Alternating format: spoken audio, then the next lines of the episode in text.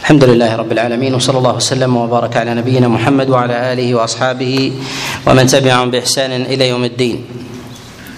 أما بعد فتقدم معنا الكلام على القتال في سبيل الله في قول الله عز وجل وقاتلوا في سبيل الله الذين يقاتلونكم ولا تعتدوا.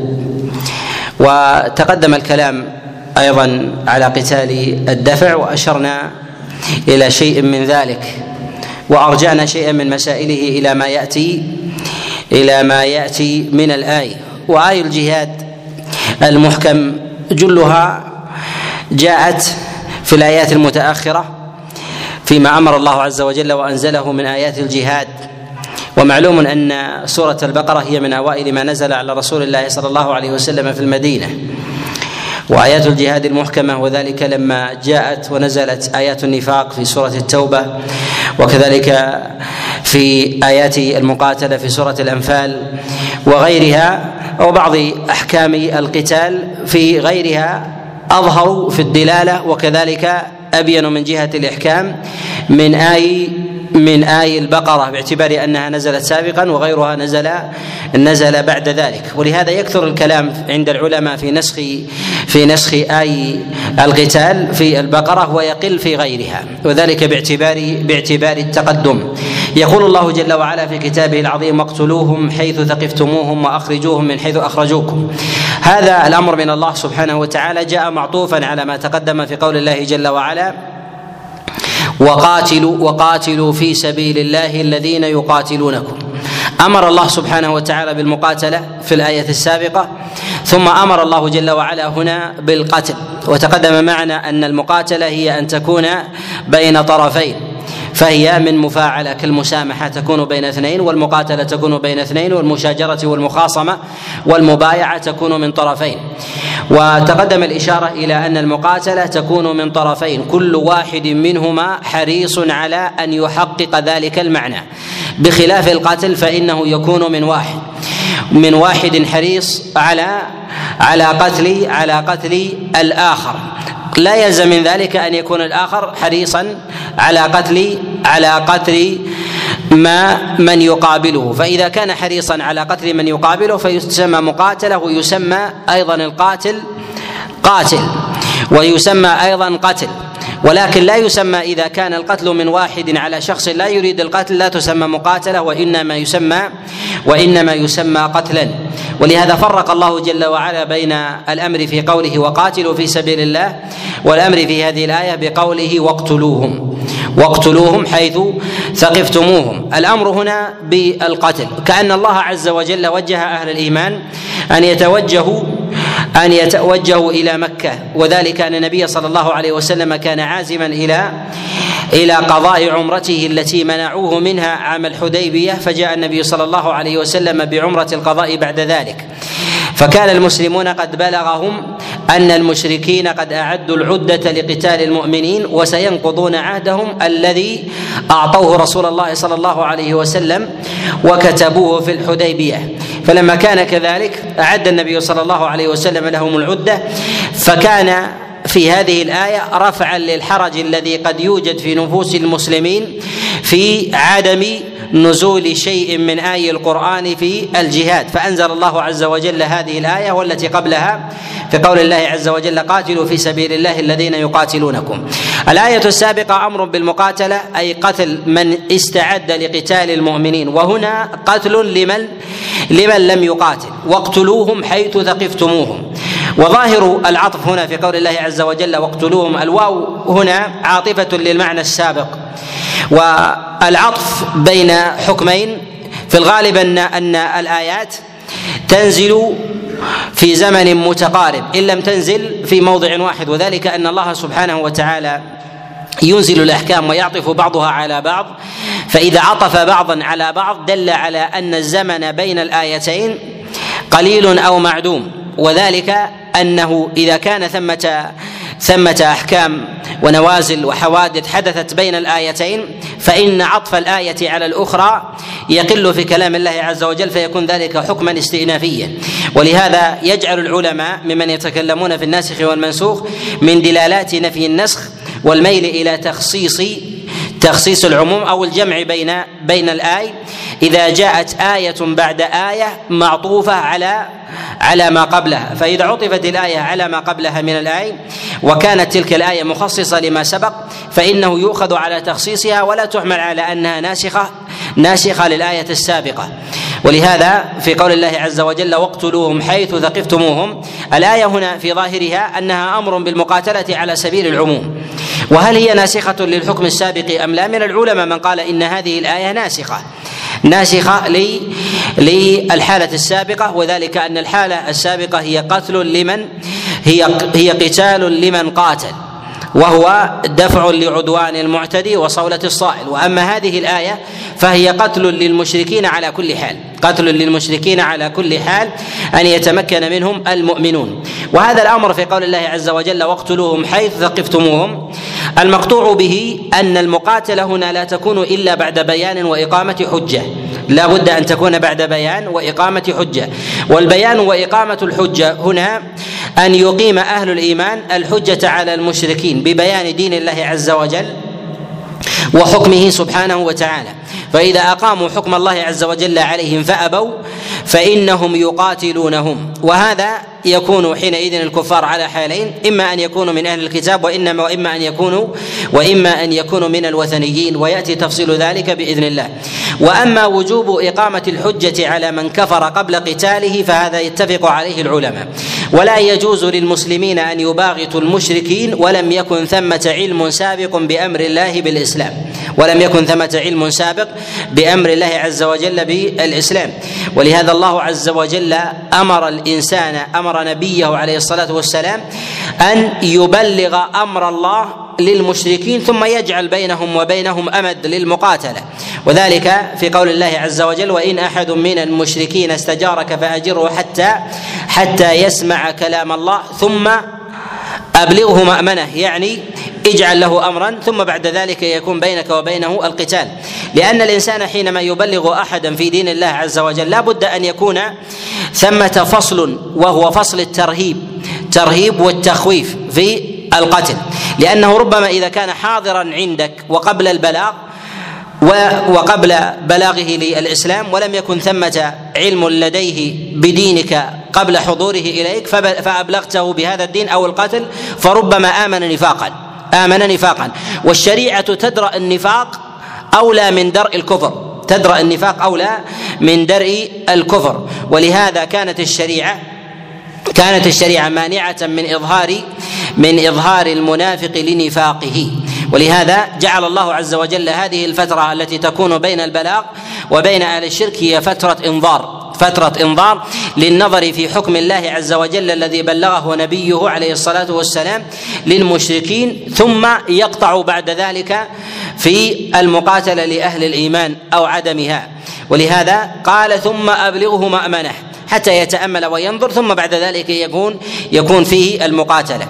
وأما مجرد الكفر فإنه ليس بمسوغ للمسلمين أن يقاتلوا المشركين بلا بلا إنذار وبلا علم. فلا بد من إقامة فلا بد من إقامة الحجة. وإقامة الحجة ليست ليست هي فهم الحجة. وفهم الحجة فهم الحجة لا يلزم من إقامة من إقامة الحجة أن يفهمها الإنسان.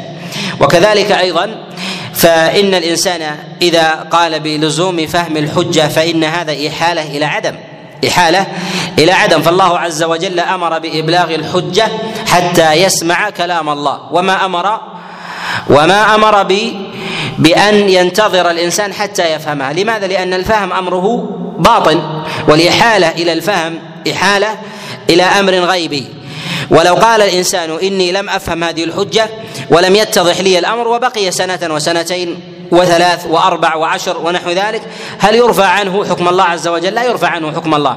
وإنما يكون معاندا ولهذا كفار قريش تأتيهم بالحجة ويقولون لا ندري لا ندري ما تقول. وربما يضعون في آذانهم شيئا لا يسمع كلام رسول الله صلى الله عليه وسلم وربما يستغشون ثيابهم. ولكن عليه أن يبلغ دين الله على لغة ووجه يفهمونها. لو أرادوا أن يفهموا فإذا لم يفهم فإذا فإذا لم يفهموا فإن الحجة حينئذ قامت. فإن الحجة حينئذ قامت عليهم ويقوم الإنسان حينئذ بالمقاتلة. والمقاتلة هنا تكون بعد البيان كما تقدم وإنما الله عز وجل أمر نبيه أن يقاتل المشركين. لماذا؟ لأن الحجة قد بلغتهم قبل ذلك فقاتلهم النبي عليه الصلاة والسلام. بعد ذلك بناء على الحجة السابقة فقد وعظهم وذكرهم في مكة وأرشدهم ودلهم وهداهم ولم يهتدوا ولم يرتشدوا ولم ولم يرشدوا إلى طريق الحق. ثم قاتلهم رسول الله صلى الله عليه وسلم قاتلهم رسول الله صلى الله عليه وسلم بعد بعد ذلك. و ثم أيضا نفرق بين المشرك الوثني وبين الكافر الكتابي وذلك أن المشرك الوثني لا تؤخذ منه الجزية لا تؤخذ منه الجزية ولا يقبل منه إلا إلا أمرين إلا أمرين وثالث ضرورة وثالث ضرورة. الأمر الأول القتل. الأمر الأول الإسلام فإن أسلم وإلا وإلا ف فيقتل. وأما الجزية فلا تكون من الوثنيين فلا تكون من فلا تكون من الوثنيين. أما الأمر الثالث وهو الاضطرار وهو العهد والسلام. والعهد العهد والسلام.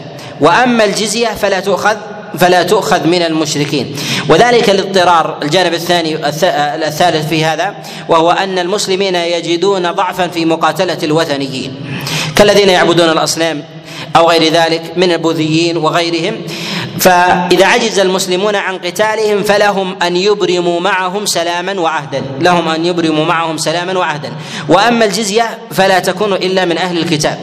ولهذا قال الله عز وجل من الذين أوتوا الكتاب حتى يعطوا الجزية عن يد وهم صاغرون. في سورة التوبة. والمراد بهذا أنه يجب عليه أن يقاتلهم حتى يدخلوا في الإسلام. فإن أبوا الإسلام فالجزية. فإن أبوا الجزية فإنه حينئذ فيدخلوا في الإسلام. فإن أبوا في الجزية فإن أبوا الجزية ف فيقاتلون. فيقاتلون. وهذا وهذا مما استثناه مما خصص الله عز وجل به السنة.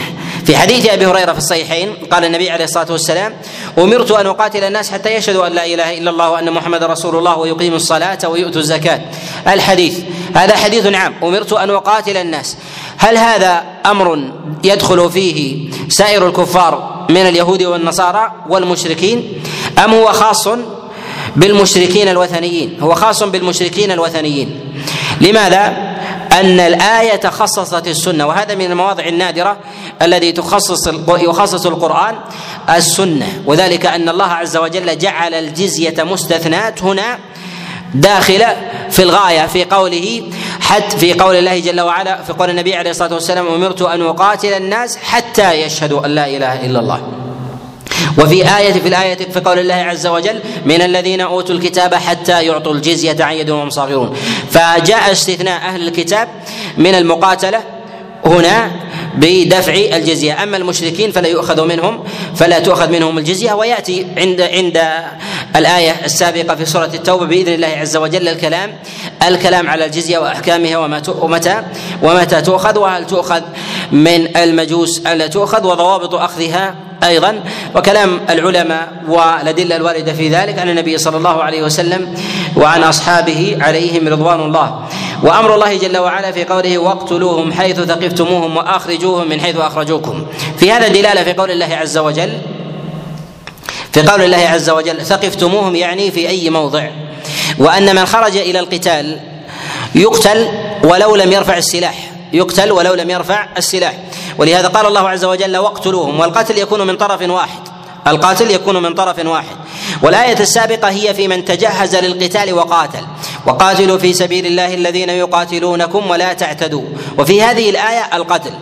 ولهذا نقول إن المسلمين إذا توغلوا في المشركين أو واجهوهم ووجدوهم لم يقاتلوا المش ولم يقاتلوا المسلمين. كأن يكونوا لم يتهيأوا جاءوهم على غرة أو كانوا مثلا أو كانوا مثلا في حراسة أو كانوا مثلا في تحسس وتجسس لمواضع المسلمين ولم يرفعوا السلاح حينئذ فإن هذا قتل. فإن هذا قتل وهذا هو المقصود واقتلوهم حيث ثقفتموهم. أما بالنسبة للمقاتلة فتكون في مكان في مكان في مكان معلوم. وأما القتل فيكون في قتل أفراد موزعين في مواضع متعددة. قتل أفراد موزعين في مواضع متعددة. وقول الله جل وعلا وأخرجوهم من حيث أخرجوكم. أخرجوا المؤمنين من مكة. وهنا الخطاب يتوجه إلى من؟ يتوجه إلى المهاجرين الذين خرجوا هم المهاجرون خرجوا من مكة. ولكن الخطاب توجه هنا إلى عموم المؤمنين. لماذا؟ لأن المؤمنين يسعى بذمتهم أدناهم. وبلد المؤمنين في أي بقعة من بقعة من بقاع العالم هو للمسلمين كافة. فإذا خرج أخرج مؤمن من بلده فإن تلك البلد هي بلد للمؤمنين للمؤمنين كافة. وفي هذا دلالة أيضا أن المسلمين إذا أخرجوا من بلد من, في بل من بلد من بلدانهم أن تلك البلد ولو تقادم عليها الزمن فإنها من بلدان المسلمين. وذلك مثلا كالأندلس. أخرج المسلمون منها أخرج المسلمون منها واستقر فيها الكفر واستدام. وهي باقية من بلدان المسلمين. ولهذا الله عز وجل جعل المقاتله هنا لأسباب منها في سبيل الله كما تقدم وقاتلوا في سبيل الله ومنها بسبب الإخراج. وأن الأمر ينبغي أن يعود إلى أهله وذلك لعلتين. العلة الأولى أن الأرض لله يورثها من يشاء. الأمر الثاني أنها كانت للمسلمين وإذا كانت الأرض لمسلم ثم اغتصبها كافر ولو تقادم الزمن فلا بد من رجوعها إلى أهل الإيمان. ولهذا جعل الله عز وجل سبب إخراج المشركين من مكة من أسباب ذلك. قال من حيث أخرجوكم. يعني من مكة. مع أن سبب المقاتلة الأعظم في ذلك هو هو كفرهم هو كفرهم بالله سبحانه وتعالى. قال والفتنة أشد من القتل. الفتنة في لغة العرب تطلق على الاضطراب على الاضطراب. وكل شيء يضطرب فيه الإنسان وتتغير حاله فهو فهو فتنة. فهو فتنة على أي حال على أي حال كان. وتسمى الفتنة بأسبابها تسمى الفتنة بأسبابها. لهذا جعل الله عز وجل الأموال والأولاد فتنة والأزواج فتنة والجاه فتنة وجعل الله الحروب والفقر والمجاعات فتنة وغير ذلك. فكانت فتنة لأنها تؤثر على حياة الناس وأمنهم. على حياة الناس وأمنهم. وهذه الأشياء يدفع الناس شرها يدفع الناس شرها. فالله عز وجل بين لنبيه عليه الصلاة والسلام الفتنة هنا قال والفتنة أشد من القتل. أشد من القتل. هل المراد بالفتنة هي تلك الأحوال؟ نقول المراد بهذه الآية هي الكفر. وقد أجمع العلماء في على ذلك أن المراد بالفتنة في هذه الآية هو الإشراك مع الله عز وجل. وهذا ما يتفق عليه العلماء. جاء ذلك عن عبد الله بن عباس كما رواه ابن جرير وابن أبي حاتم من حديث الضحاك عن عبد الله بن عباس. وجاء أيضا عن مجاهد بن جابر وسعيد بن جبير وعكرمة والحسن وقتادة والربيع بن أنس والضحاك ومقاتل وغيرهم من من أئمة التفسير من السلف. وهي مسألة من مسائل الإجماع على أن على أن الفتنة هنا في هذا الموضع هي الكفر هي الكفر. وذلك أن الله عز وجل جعلها أعظم من القتل. والقتل هو أعظم أعظم الفتن بعد الكفر. وذلك أن الناس إنما كانت أموالهم فتنة لصدها عن مصالحهم وإنما كانت أزواجهم وأولادهم للصد عن عن المصالح الدينية للصد عن المصالح عن المصالح الدينية. ولهذا النبي صلى الله عليه وسلم ولهذا النبي صلى الله عليه وسلم كما جاء في الصحيح لما نزل من منبره وراى الحسن والحسين وجاء إليه في ثوبين يعثران بهما نزل النبي عليه الصلاة والسلام من منبره فحملهما فقال صدق الله إنما أموالكم وأولادكم فتنة. المراد بهذا الفتنة هو أن الإنسان يضطرب ويقدم شيئا حقه التأخير ولو بأمر دقيق ولو بأمر دقيق. النبي صلى الله عليه وسلم لعظم مقام النبوة لعظم مقام النبوة ودقة البصيرة التي لا يدركها الأولياء النبي صلى الله عليه وسلم جعل اللحظات اليسيرة في تركه الخطبة والإتيان إلى الحسن والحسين وحملهما هذا شيء دقيق من معاني الفتنة. شيء دقيق من معاني من معاني الفتنة. وذلك أن الإنسان ربما لا يتحمل لا يتحمل أن ينصرف إلى أمر دينه من أمر العبادة ونحو ذلك ويجد في قلبه ويجد في قلبه إقبالا على ابن أو إقبالا على زوجة أو إقبالا على مال أو نحو ذلك فيفوت شيئا من المصالح. وهذا معاني دقيقة جدا منها ما يدخل في أمور المباحات ومنها ما يدخل في أمور المكروهات ومنها ما يدخل في أمور المحرمات. لما كانت هذه المعاني كانت هذه المعاني كلها هي من أمور الفتنة كان القتل وهو إزهاق النفس فتنة أعظم منها. ولهذا الجوع فتنة. لماذا؟ لأنه يفضي إلى القتل. فإذا كان الجوع فيه فتنة فالقتل أعظم أعظم منه. الخوف إنما يخاف الناس لماذا؟ يخافون لأن الخوف قد يفضي إلى إزهاق أنفسهم. ولو كانوا يعلمون أن الخوف يفضي إلى فقد مادة ما وصل الهلع إلى نفوسهم بمثل هذا المقدار. فدل على أن الخوف مهما بلغ في النفوس فالقتل أعظم منه. لأن الناس لا تخاف من القتل إلا إلا على أعظم أحوالها وهو القتل وهو إزهاق الأنفس. فلما كان القتل بهذه المرتبة جعل الله عز وجل الفتنة أشد من القتل وأكبر منه وهو الكفر بالله سبحانه وتعالى. وإنما جاء هذا الأمر في هذه الآية في قول الله عز وجل والفتنة أشد من القتل بعد أن أمر الله عز وجل بالمقاتلة. ذلك أنه استقر لدى العرب لدى العرب أن القتال في مكة محرم. وهم مقبلون على ماذا؟ مقبلون على قتال المشركين في مكة. ولما كانوا يجدون في نفوسهم حرجا. أزال الله عز وجل ذلك الحرج بقوله والفتنة أشد من القتل. يعني إن كان القتل إن إن كان القتل فتنة فإن الفتنة العظمى التي تغيب اسم الفتنة عن القتل إذا حضر الكفر.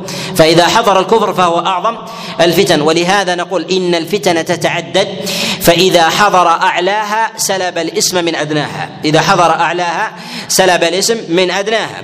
وذلك أن الكفر هو أعظم الفتن. وليس لأحد أن يقول أن يقول إني لا أريد أن أدخل الإيمان. لماذا؟ فإني أخشى أن أفقد مالي أو أفقد ولدي أو أخرج من بلدي. نقول هذه ليست فتن. هذه ليست فتن. لماذا؟ لأن الكفر التي الذي أنت فيه أشد من ذلك كله. ولهذا النبي صلى الله عليه الله عز وجل في هذه الآية قال والفتنة أشد من القتل. سلب القتل اسم الفتنة. سلب القتل اسم الفتنة وهو فتنة. لماذا؟ لوجود الكفر وهو أعظم منه فجعل الأعظم في ذلك هو الفتنة وما عداه يخصص باسمه الذي يسمى به بعينه. ولهذا لما كان الناس يخشون الافتتان الافتتان من قتال وإزهاق النفوس في مكة بين الله عز وجل له أن الذين تقاتلونهم كفار وكفرهم أعظم من الفتنة التي تخشونها. فسلب الله أمر سلب الله اسم الفتنة عن القتل وجعله وجعله في الكفر. ولهذا نعلم إن أعظم التغيرات التي تطرأ على الإنسان وعلى المجتمعات هي هي إزهاق النفوس هي إزهاق النفوس. وأعظم من ذلك كله هو الكفر بالله جل وعلا. وبهذا نعلم أيضا أن انتشار الكفر والإلحاد وإظهار قالات وكتب الكفر ونشرها أعظم من بيع السلاح في الفتنة أعظم من بيع السلاح في الفتنة. وإذا باع الإنسان كتاب كفر أو روج لمقال في صحيفة أو في متجر أو نحو ذلك يكفر به يكفر يكفر به الله جل وعلا فإن ذلك أعظم من بيع السلاح للقاتل ليقتل. أعظم من بيع السلاح للقاتل ليقتل. ولهذا جعل الله عز وجل قتال المشركين في مكة جائز وجعله جهادا وهو من أعظم الأعمال. لماذا؟ لأنه به يتحقق التوحيد ودرء ودرء الكفر. فأزال الله سبحانه وتعالى ما في ما يجده المسلمون في نفوسهم من القتال في المسجد الحرام ببيان أن ما هم فيه وكفر بالله سبحانه وتعالى. فينبغي فينبغي أن فينبغي أن يزال. وفي قول الله عز وجل ولا تقاتلوهم عند المسجد الحرام حتى يقاتلوكم فيه. هنا بين الله سبحانه وتعالى أن قتال المشركين قتال المشركين للمؤمنين عند ذهابهم إلى مكة ينبغي أن يقيد ينبغي أن يقيد بمواجهتهم بالسلاح بمواجهتهم بالسلاح. وإذا لم يقاتلوهم ليس لهم أن أن يقاتلوهم وهنا مسألة. أن الله عز وجل قال والفتنة أشد من القتل. أمر بقتالهم لوجود الكفر. أمر بقتالهم لوجود الكفر. ثم منع من قتالهم إلا أن يقاتلوا. ثم منع من قتالهم إلا أن يقاتلوا. نقول إن الله عز وجل منع من قتالهم إلا أن يقاتلوا لأن العهد في العام الماضي أن يأتوا بغير سلاح أن يأتوا إلى إلى مكة بغير سلاح وبلا قتال. فالمؤمنون يفون بعهودهم يفون بعهودهم التي أعطوا أعطوها أعطوها الناس مهما مهما كانوا. ولهذا جعل الله عز وجل في مثل هذا الموضع للمؤمنين في للمؤمنين الا يقاتلوا المشركين إلا بقيد المقاتلة. فإن لم فإن منعوهم من دخول مكة وقاتلوهم فإنه يجب عليهم أن يقاتلوهم أن يقاتلوهم. وفي هذا أيضا أن أهمية الجهاد في سبيل الله ظاهرة في الشريعة وذلك أن الله سبحانه وتعالى أن الله سبحانه وتعالى بين للمؤمنين وجوب المقاتلة عند إرادتهم القتال مع أن المؤمنين في ابتداء أمرهم لم تتكون دولة الإسلام تكوينا تاما ولم تتسع رقعة الإسلام وشوكة المشركين ما زالت قوية. فالله عز وجل ما أمر نبيه بالرجوع إلى المدينة إذا رفعوا السلاح عليهم وأمره بترك العمرة لأن هذه عبادة ويؤجل ذلك إلى ما بعدها وذلك لعظم لعظم أمر الجهاد وذلك أنه يصنع هيبة لي يصنع هيبة للمسلمين يصنع هيبة هيبة للمسلمين. وأن الأمة إذا لم تعد العدة لدين الله عز وجل استضعفها خصومها.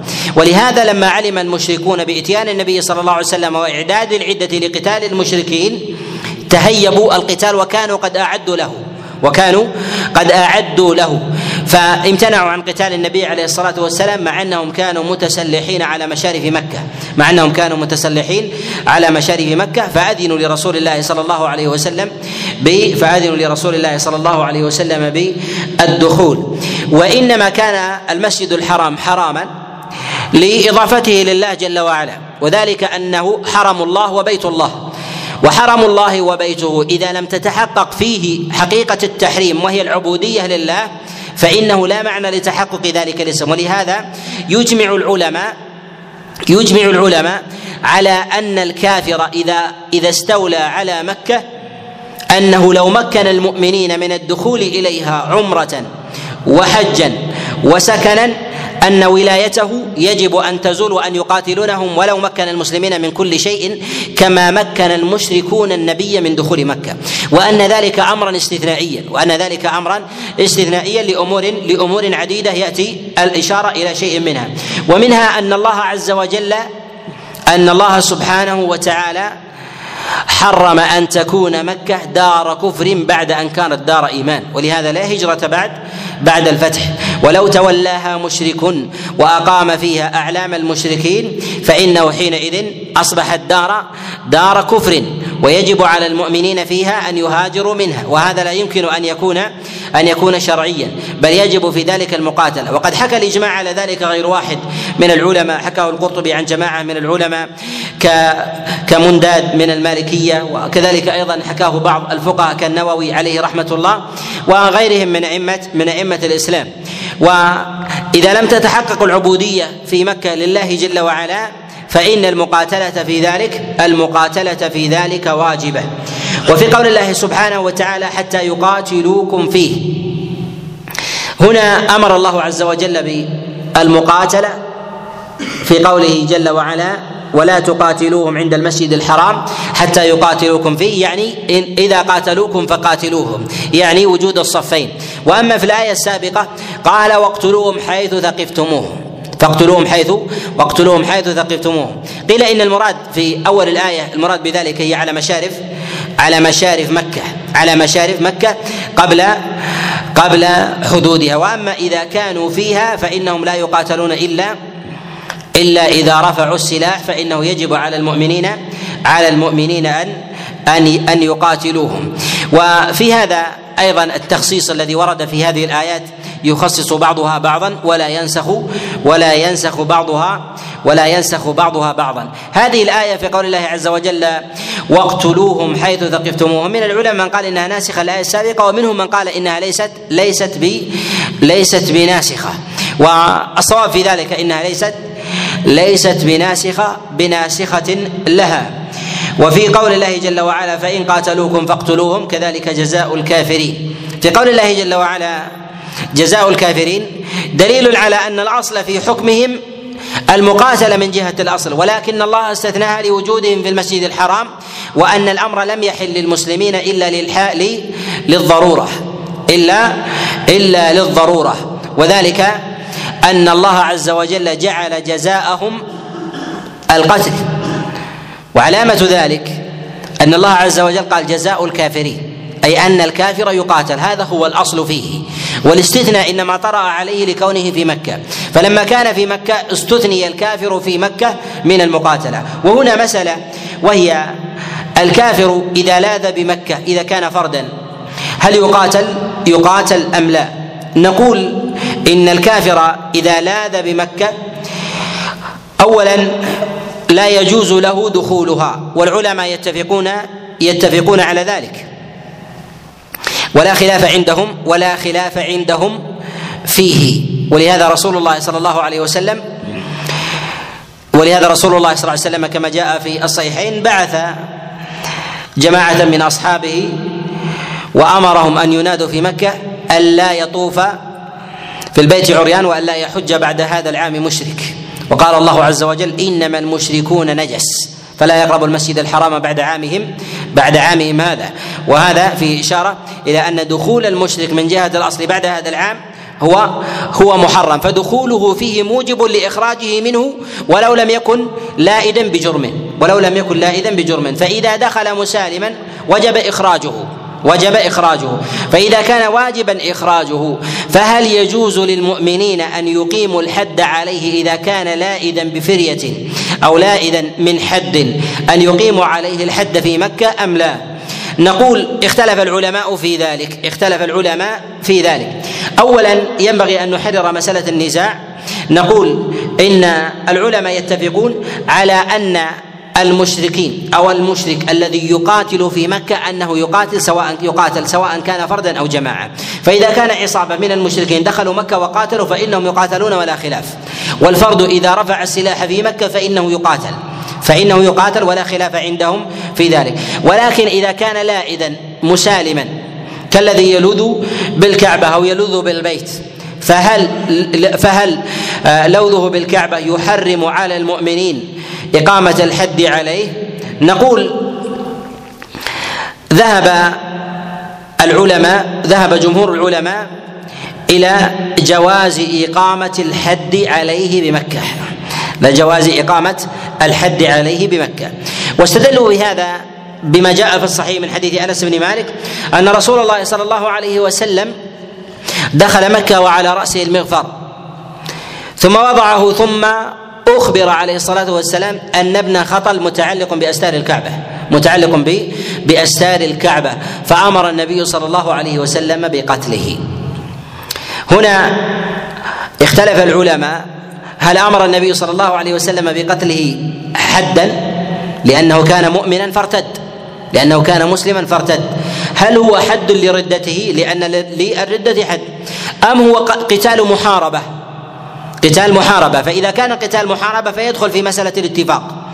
ولا يلزم من قال بعدم إقامة الحدود في مكة بمثل هذا. والذي يظهر والله أعلم أن هذا الحديث إنما إنما هو إقامة لحد الردة. إنما هو إقامة لحد لحد الردة.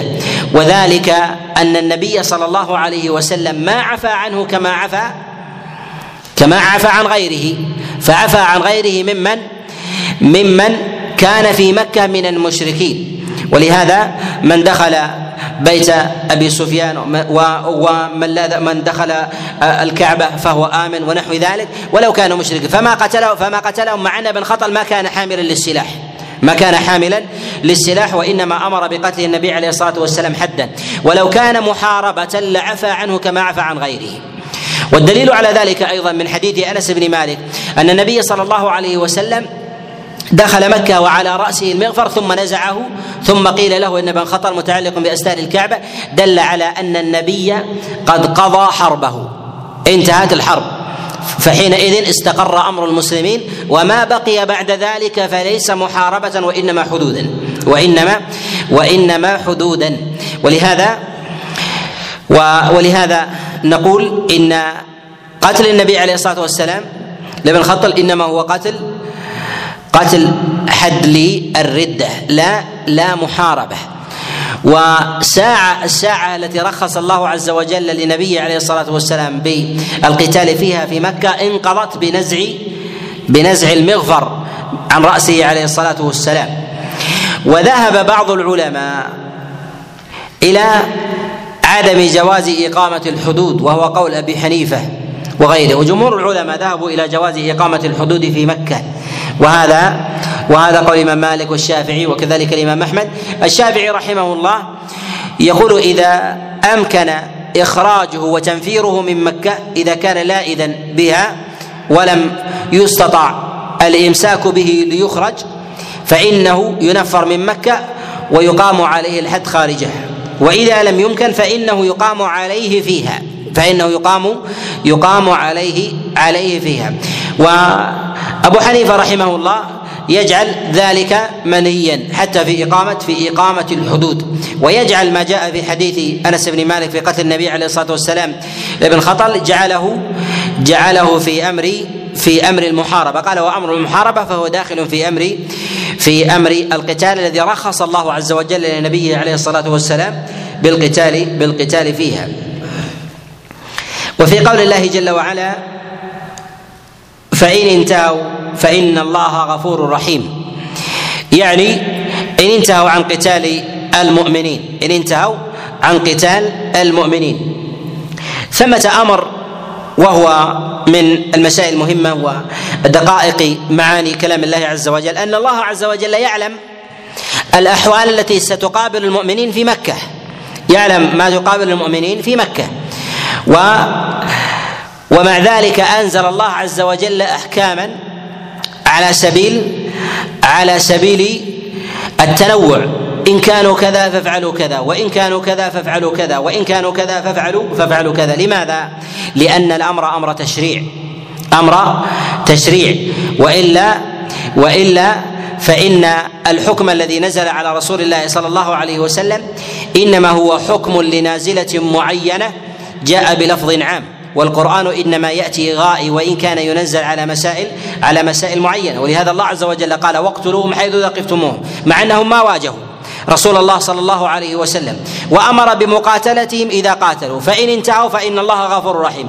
هذه الخيارات متعددة تشريعا للأمة في أحكام في أحكام قتال المشركين وفي هذا أعظم دلالة أن المؤمنين إذا جاز لهم قتال المشركين في مكة فإنه يجوز لهم أن يقاتلوها أن يقاتلوا في غيرها إن اعتدوا عليهم من باب أولى مع حرمة مكة التي التي من لاذ بها فإن له حرمة. ولهذا الله عز وجل جوز للمؤمنين أوجب على المؤمنين أن يقاتلوا المشركين إذا قاتلوهم ومنعوهم من حقهم.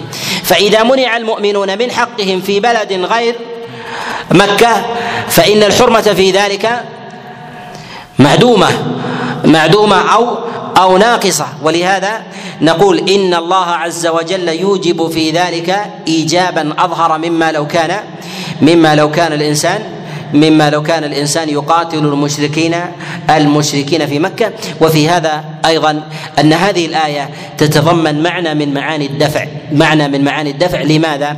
لأن الأرض ما زالت باسم المسلمين وهي مكة. ولهذا الله عز وجل يقول أخرجوهم من حيث أخرجوكم. أي الأرض التي أخرجوكم هي بلد من بلدانكم. اذا هذا القتال يتضمن قتال الدفع. قتال الدفع أي أني أدخل داري فإن دفعتني عن داري فسأقاتلك. فإذا كان قتال الدفع مع حرمة مكة جعله الله عز وجل مأمورا به فإن ما عدا ذلك من باب أولى وهذا مما لا خلاف عند العلماء مما لا خلاف عند العلماء في تقريره. ثم أيضا في قول الله عز وجل فإن انتهوا فان انتهوا فإن الله غفور رحيم أنه يجب على المؤمن الا ألا يعمل بهواه. ألا يعمل ألا يعمل بهواه. وذلك أن المؤمنين من أصحاب رسول الله صلى الله عليه وسلم يحملون على على المشركين في مكة حملا عظيما لأنهم أخرجوهم من أهليهم وأخرجوهم من أموالهم وأولادهم وأراضيهم وعيروهم وأنشدوا فيهم الأشعار وغير ذلك وأساءوا إليهم عند الناس ولكن الله عز وجل دفع ذلك ليبين أن المقاتلة إنما هي لدين الله. ليست لانتقام لانتقام النفس. ولهذا جعل الله عز وجل قال إن انتهوا عن المقاتلة المساله ليست تصفية حسابات ماضية. ليست حسابات ماضية. إن قاتلوكم الآن فقد وإن انتهوا فإن الله غفور رحيم. أن يغفر لهم إن وضعوا السلاح ودخلوا الإيمان فإن الإسلام يجب ما قبله. ولهذا جاء رسول الله صلى الله عليه وسلم كما جاء في الصحيح من حديث عمرو بن العاص أن رسول الله صلى الله عليه وسلم قال قال لا تعلم يا عمرو إن الإسلام يهدم ما قبله وإن الهجرة تهدم ما قبلها وإن الحج يهدم يهدم ما قبله وبهذا أنه ينبغي للإنسان إذا آمن من آمن من آمن إذا آمن من آمن ولو كان له أمر سابق وجريرة في حق المؤمنين ينبغي ألا يتعلق ذلك بالمؤمنين في نفوسهم انتقاما منه. ولهذا من أعظم المصائب التي جاءت على رسول الله صلى الله عليه وسلم هي مصيبته في قتل عمه حمزة. حتى ذكر أهل السير كابن إسحاق وغيره أن النبي عليه الصلاة والسلام لما جاء إليه إلى جثته وجد بطنه مبقوره وقد أخذت أحشاؤها وقف عليه النبي عليه الصلاة والسلام قال ما أصاب بمصيبة بعدك؟ يعني لشدة وقع ذلك على رسول الله صلى الله عليه وسلم. جاء من قتل عم رسول الله وحمزة كما جاء في وحشي وحشي كما جاء في في صحيح البخاري. قال النبي صلى الله عليه وسلم لما يجد في قلبه لما أسلم قال إن استطعت لا تريني وجهك فافعل. وذلك فيه إشارة إلى ذلك الهم الذي في قلب النبي عليه الصلاة والسلام أن يرى من قتل عمه أمامه ولكن ما انتقم منه بكلمة واحدة وإنما لا يريد أن يعرض الأمر أمامه بعينه كل مرة يأتي فيتذكر عمه. وفي هذا إشارة أنه ينبغي للقائد وينبغي للإنسان في دوافي الأمور التي يتعلق بها في ذاته في في في نفسه من هم أو نحو ذلك. ينبغي أن يصرفها عنه. لماذا؟ حتى لا تتعطل الرسالة حتى لا تتعطل الرسالة. والأمور التي قضاها الله عز وجل وانقضت ينبغي ان ينبغي أن يتناساها. ولهذا مع دخوله في الإسلام وحسن إسلامه بعد ذلك وقاتل وناضل وبقي في وبقي من الخيرة بعد بعد ذلك إلا أن النبي صلى الله عليه وسلم قال إن استطعت ألا تريني وجهك. فافعل يريد بذلك ألا يذكره ذلك همه ومصيبته السابقة وأن تذكر المصائب والأشياء التي يضعها الناس تذكارا مثلا للموتى أو تذكارا لآبائهم وتذكارا ونحو ذلك. هذا من الأمور من الأمور الخاطئة. لماذا؟ لأن هذه الأمور لا تعيد شيئا للإنسان. وإنما تجعله يتعلق وأوهام وأحزان وتصرفه عن أموره ومهامه. فإن الإنسان مأمور بأن يستدرك بأن يأتي وأن يستقبل حياته ولا ان لا أن يتفكر بالماضي فيزداد فيزداد حزنا. ولهذا رسول الله صلى الله عليه وسلم مر بأحزان كثيرة من قتل أناس من أنفس أصحابه عليهم رضوان الله تعالى من قرابته ومن حوله ونحو ذلك. ولكن النبي عليه الصلاة والسلام يستقبل يستقبل أمر الله عز وجل له. وما قضاه الله عز وجل هو خير لمن اختاره الله عز وجل له. وفي قوله جل وعلا فإن انتهوا فإن الله غفور رحيم. أن يغفر للعبد ويستر له ما مضى ما مضى منه وإن كان مقاتلة للمسلمين. فالمقاتلة لمحمد صلى الله عليه وسلم هي من أعظم الجرم. يقاتلون رسول الله صلى الله عليه وسلم ومع ذلك كان ذلك ذنبا ذنبا مغفورا ولهذا الذي الذي يقاتل احدا أو يعاديه أو يقتل نفسا لن يبلغ قتلا كقتله كقتله لحمزة أو قتله لأصحاب رسول الله صلى الله عليه وسلم. ولهذا ومقاتلته لرسول الله صلى الله عليه وسلم ومع ذلك قبل النبي صلى الله عليه وسلم توبة من تاب وجعل الله عز وجل وجعل الله عز وجل ذلك تحت مغفرته ورحمته سبحانه وتعالى. ثم قال الله عز وجل وقاتلوهم حتى لا تكون فتنة ويكون الدين لله. تقدم معنا الفتنة هنا في الآية السابقة ثم قال هنا فتنة. جعلها في الآية السابقة. معرفة بالأل. هنا جعلها منكرة. الأل في الألف واللام في في الفتنة الأولى هي للجنس للدلالة على الاستغراق اعظم أنواع الفتن المستوعبة لما عداها وكل ما عداه هو داخل في دائرتها وهو الإشراك مع الله عز وجل على ما تقدم بيانه. وهنا قال فتنة لي لما تقدم لما تقدم من معرفة بيانها وأن هذه الفتنة المنكرة هنا هي عامة كعموم كعموم الفتنة السابقة. هي يدخل دونها من باب أولى يدخل ما دونها من باب أولى لهوان لهوانه بالنسبة بالنسبة لها. ولكن الله سبحانه وتعالى جعل ذلك من جهة إعمال الحكم. هو خاص ب خاص بالكفر. وأمر الله عز وجل بالمقاتلة حتى لا تكون فتنة. هنا استدل بعض العلماء بهذه الآية على وجوب جهاد الطلب على وجوب جهاد الطلب. وذلك أن الله سبحانه وتعالى أمر بمقاتلة المشركين في الآية السابقة عند دخول المسجد الحرام ونهى عن قتالهم إذا لم يقاتلوا ونهى عن قتالهم إذا لم يقاتلوا. هنا أمر بالمقاتلة لأجل الدين فقط وهناك لأجل المقاتلة. قال وقاتلوهم حتى لا تكون فتنة. اذا لمجرد وجود الكفر يقاتلون. لمجرد وجود الكفر الكفر يقاتلون. هذا المعنى في وجوب مقاتلة المشركين حتى لا تكون فتنة. حمل بعض السلف في ذلك. الفتنة في هذه الآية قال إذا كان أهل الإيمان في حال ضعف في حال في حال ضعف. ويخشون من من من من تنامي قوة المشركين عليهم أنه يجب عليهم أن يقوموا بقتال المشركين حتى يضعف المشركون حتى يضعف المشركون. جاء هذا عن عبد الله بن عمر كما جاء كما جاء في البخاري. وذلك أنه سئل عن قول الله عز وجل وقاتلهم حتى لا تكون فتنة. قال ذلك كنا زمن رسول الله صلى الله عليه وسلم ونحن قليل. نخشى المشركين ونحن حينئذ حينئذ كثير. يعني لا نخشى لا نخشى فتنة فتنة المشركين. بعض العلماء قال إن هذه الآية ناسخة للآيات السابقة.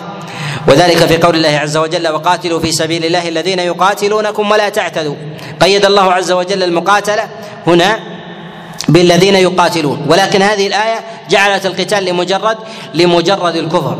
قال بالنسخ بعض العلماء ومن السلف كقتادة كما رواه ابن جرير وأبي حاتم وغيره من حديث سعيد بن أبي عروبة عن قتادة أنه قال في قول الله عز وجل قاتلوا في سبيل الله الذين يقاتلونكم وقول الله جل وعلا واقتلوهم حيث ثقفتموهم. قال نسختها قول نسخها قول الله عز وجل وقاتلوهم حتى لا تكون حتى لا تكون فتنة فجعل هذه الآية ناسخة للأمر السابق وأنه يجوز للمؤمنين بل يجب عليهم إذا وجدوا قوة أن يقاتلوا المشركين. هنا في قوله حتى لا تكون فتنة أمر بالقتال لدفع الفتنة فقط وما أمر بغيره وما أمر أمر بغيره. وذلك أن النبي صلى الله عليه وسلم قد دعا المشركين إلى الإيمان وكاتبهم. فلو كانوا يريدون قبول الدعوة لدخلوا الإيمان ولكنهم بقوا على ما هم عليه بقوا على ما هم ما هم عليه. فبقي أمران الجزية وهي منتفية عن المشركين. وبقي القتال. لهذا أمر الله عز وجل بالمقاتلة. أمر الله عز وجل بالمقاتلة. الفتنة تدفع بثلاثة أشياء. الفتنة تدفع بثلاثة أشياء. الأمر الأول بقتل المشركين وإبادتهم. قتل المشركين وإبادتهم. فلا يكون حينئذ حينئذ فتنة. الأمر الثاني بالجزية بالجزية. وذلك درءا للفتنة. كيف تكون الجزية درءا للفتنة؟ أن الله عز وجل قال وقاتلوهم حتى لا تكون فتنة.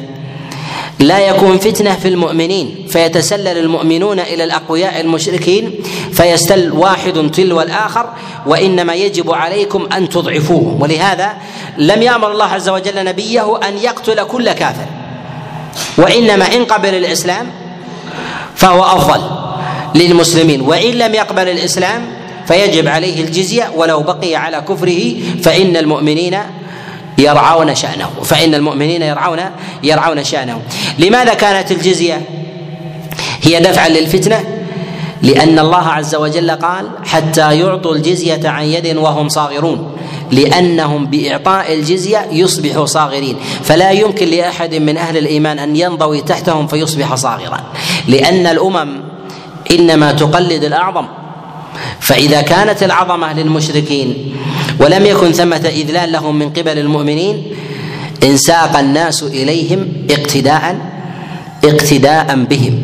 ولهذا آمر الله عز وجل بدرء الفتنة بهذه الأحوال درء الفتنة بهذه الأحوال. الأمر الثالث أن يدخلوا في الإسلام أن يدعوا إلى الإسلام ويدخلوا ويدخلوا فيه. هذه الثلاثة هي التي يدرى تدرى بها بها الفتنة. يقدم أولها وهو الدعوة إلى الله. وهو الدعوة إلى الله. لأن النبي صلى الله عليه وسلم أول ما أمر المشركين من كل فئة ومن كل جنس أمرهم بالدخول في أمرهم بالدخول في الإسلام. ومن لم يدخل فإنه يفرض عليه بعد ذلك بعد ذلك الجزية. يفرض عليه بعد ذلك الجزية. لماذا قدمت الجزية؟ هنا نقول إن قتال المشركين إنما جعله الله عز وجل متأخرا لأن القتال يفتح بابا على المسلمين متسعا. فإذا لم يكن ثمة جزية فإن المشركين أكثر من المسلمين. فإن المشركين من أهل الكتاب أكثر أكثر من المؤمنين. فجعل الله عز وجل لنبيه أمورا وأحوالا يدرأ بها يدرأ بها الشر لأن المؤمنين لا يطيقون الكل لأن المؤمنين لا يطيقون مواجهة الكل. وفي هذا إشارة إلى معنى أنه ينبغي لأهل الإيمان ألا يعادوا الأمم كلها بالمحاربة. فإذا كان النبي صلى الله عليه وسلم وهو من هو من أيده الله عز وجل ووعده بالنصر كان يسالم هذا ويقاتل هذا. يسالم بني النضير ويقاتل بني قريظة. وهذا وهذا مع كونهم من أهل ملة من أهل ملة واحدة.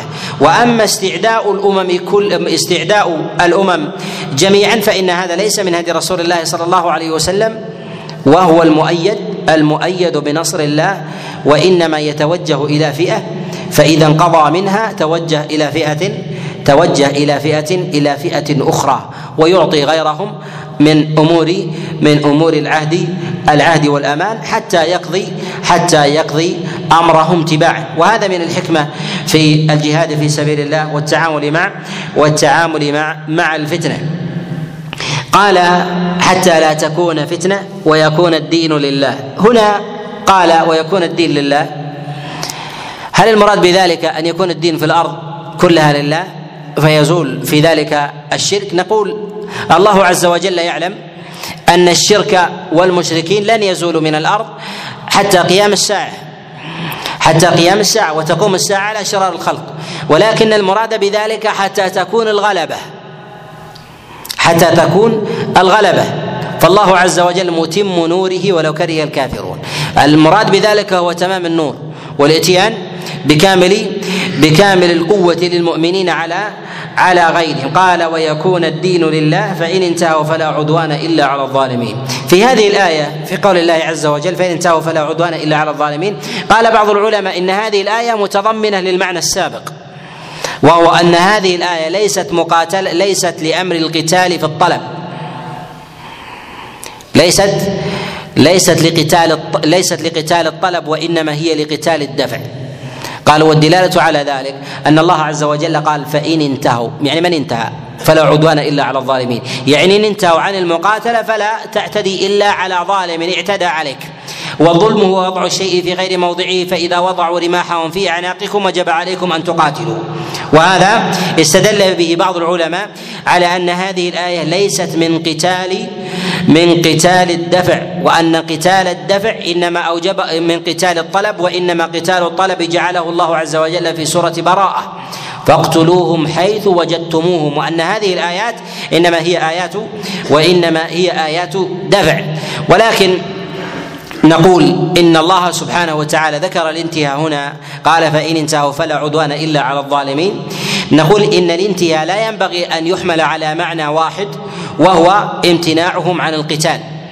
ولكن نقول إن انتهوا عن معاندتهم فأعطوا الجزية فإنهم ليسوا بمعتدين. ويكون حينئذ أمر القتال محكم في هذه الآية على أنه من قتال من قتال الطلب لا من قتال الدفع. ومن حمل الانتهاء هنا على المعنى السابق في قول الله عز وجل فإن انتهوا فإن الله غفور رحيم فإنه يجعله في قتال الدفع لا في قتال الطلب والذي يظهر والله أعلم أن هذه الآية إنما هي في قتال الطلب لا في قتال الدفع. بعض العلماء قال إن هذه الآيات معطوفة على بعضها بالواو. فإن الله عز وجل قال في أول الأمر قال وقاتلوا في سبيل الله الذين يقاتلونكم. ثم قال واقتلوهم حيث ثقفتموهم. ثم قال فإن انتهوا فإن الله غفور رحيم. ثم قال وقاتلوهم حتى لا تكون حتى لا تكون فتنة. فجعلها معطوفة على بعضها أي كأنها جاءت في سياق واحد وليس بينها فترة فترة زمنية. ولكن نقول إن عطف الواو في ذلك لا يعني أن الآية جاءت في سياق تام في سياق تام. وإن كان هذا هذا من القرائن وإن كان هذا من القرائن. ولهذا جاء عن غير واحد من السلف أن هذه الآية في قول الله عز وجل وقاتلوهم حتى لا تكون فتنة أنها كانت ناسخة ولو جاءت به العطف كما جاء ذلك عن قتادة فيما رواه ابن جرير من حديث سعيد بن عروبة عن قتادة قال وقاتلوهم حتى لا تكون فتنة إنها ناسخة إنها ناسخة لما لما سبق من الآيات من التقييد بالقتال لمن لمن اعتدى. والعدوان هنا أن يعتدي الإنسان أو أن يأخذ حقا من غير حق من غير حق له. وهذا هو الظلم. والله عز وجل إنما جعل المعتدي ظالما لبقائه على ما هو عليه. ومن القرائن أيضا على أن المراد بالظلم هنا في قوله فلا عدوان إلا على الظالمين أن الظلم مراد به الشرك. أن الظلم المراد به الشرك. فهؤلاء بقوا على ما هم عليه ولم ينتهوا. فكانوا على الشرك الذي هم عليه فما أعطوا الجزية وما أيضا اندفعوا عن قتال المؤمنين فإنهم يقاتلون وكذلك أيضا فإنهم ما زالوا مشركين فلا عدوان إلا عليهم. فإذا بقوا على شركهم الذي هم عليه ولم يدفعوا الجزية فإنهم يقاتلون بظاهر بظاهر هذه الآية. وفي هذه الآيات دلالة أيضا على عظم الكفر وأسبابه أن تهيئة أسباب الكفر أعظم من تهيئة أسباب أعظم من تهيئة أسباب القتل. وأن الكفر في ذاته أعظم أعظم من وأن الكفر أعظم من قتل الإنسان. ولهذا قد روى ابن جرير الطبري من حديث ابن أبي نجيح عن مجاهد بن جبر أنه قال قال دخول أو قال قال خروج الإنسان من الإسلام إلى الكفر أعظم عليه من قتله أعظم عليه من قتله. يعني أنه قد وقع في أعظم في أعظم الفتنة وقتله درءا للفتنة في ذلك. وإنما شرع الله عز وجل قتل المرتد وجعله حدا كما جاء في الصحيح من حديث عبد الله بن عباس قال من بدل دينه فاقتلوه لأن الردة إذا لم تدرأ بالقتل انتشرت الردة في المسلمين. انتشرت الردة في المسلمين فارتد واحد ثم آخر ثم آخر ثم تسللت الردة في المسلمين إذا لم يكن ثم تقدم ولهذا جعل الله عز وجل أعظم الفتنة أعظم الفتنة الكفر فيجب أن تدرأ ولو بقتل ولو بقتل النفوس. لهذا شرع الله عز وجل الجهاد. ومن عظم دفع الكفر أن الله سبحانه وتعالى جعل قتل النفوس في دفع الكفر أعظم الأعمال. من أعظم الأعمال. وذلك أن قتل النفس هو من أعظم الذنوب من أعظم الذنوب. الإنسان في قتله وإزهاقه للنفس ويأتي بعد الإشراك بالله عز وجل وهي من من اوبق من أوبق الموبقات ومن أيضا أكبر الكبائر أن يزهق الإنسان نفسا بغير بغير حق. إذا كان هذا الجرم العظيم جعله الله أعظم أو من أعظم الأعمال أن يقتل الإنسان في سبيل الله. ويدل عليه أيضا أن النبي صلى الله عليه وسلم ما تمنى شيئا أن يكون عليه إلا أن يتمنى أن يقتل في سبيل الله. ولهذا يقول النبي عليه الصلاة والسلام كما جاء في الصحيح قال لو وددت أن أقاتل أن أقاتل في سبيل الله حتى أقتل ثم أحيا ثم أقتل ثم أحيا ثم أقتل. وهذا دليل على فضل منزلة القتل في سبيل الله. لماذا؟ لتحقيق التوحيد. فإذا كان لتحقيق التوحيد دل على أن كل الأمور من الذنوب والمعاصي التي لو فعلها الإنسان غير تحت مظلة التوحيد فهي من الموبقات لكن على عتبة التوحيد كلها درجات توصل إلى توصل إلى الله عز وجل فلهذا انقلبت معايير معايير الذنوب والمعاصي ومعايير الموبقات وهي القتل. جعلها الله عز وجل شهادة وهي من أعظم الأعمال. ولهذا يقول النبي صلى الله عليه وسلم لما سئل أي العمل أفضل؟